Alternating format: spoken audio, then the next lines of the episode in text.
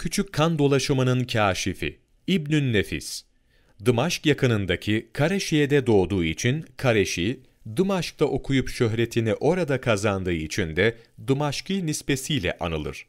Nurettin Zengin'in Dımaşk'ta inşa ettirdiği Bimaristanü Nuri'de tıp tahsil etmiş ve yine aynı şehirdeki Dahvariye Tıp Medresesi'nin kurucusu Mühezzebüddin Eddahvar'ın öğrencisi olmuştur.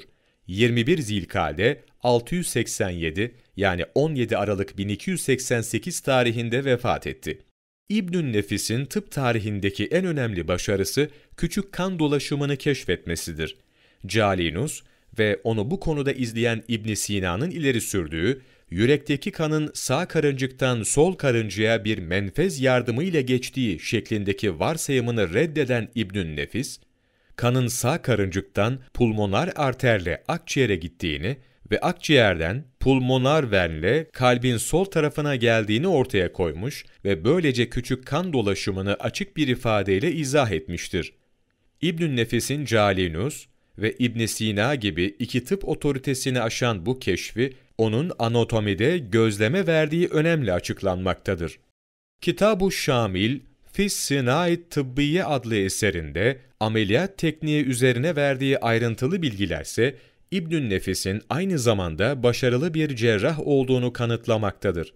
Ona göre her ameliyat üç aşamadan meydana gelir. Muayene ve teşhis, operasyon, ameliyat sonrası bakım. Bunların her üçünde de hasta, cerrah ve hasta bakıcının dikkat etmesi gereken hususlar ayrıntılarla tasvir edilmiştir. İbnün Nefis, tıbbın yanı sıra geniş bir ilmi faaliyet yürütmüştür. Onun mantık, nahif, fıkıh, fıkıh usulü ve hadis usulü gibi sahalardaki çalışmaları hakkında bilgi verirken, zihni kapasitesini de ortaya koymaktadır.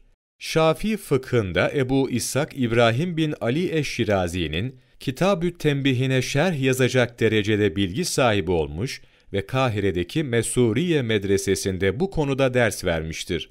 Esin Kahya Türkiye Diyanet Vakfı İslam Ansiklopedisi Cilt 21, sayfa 173-176 9 Ağustos Mevlana takvimi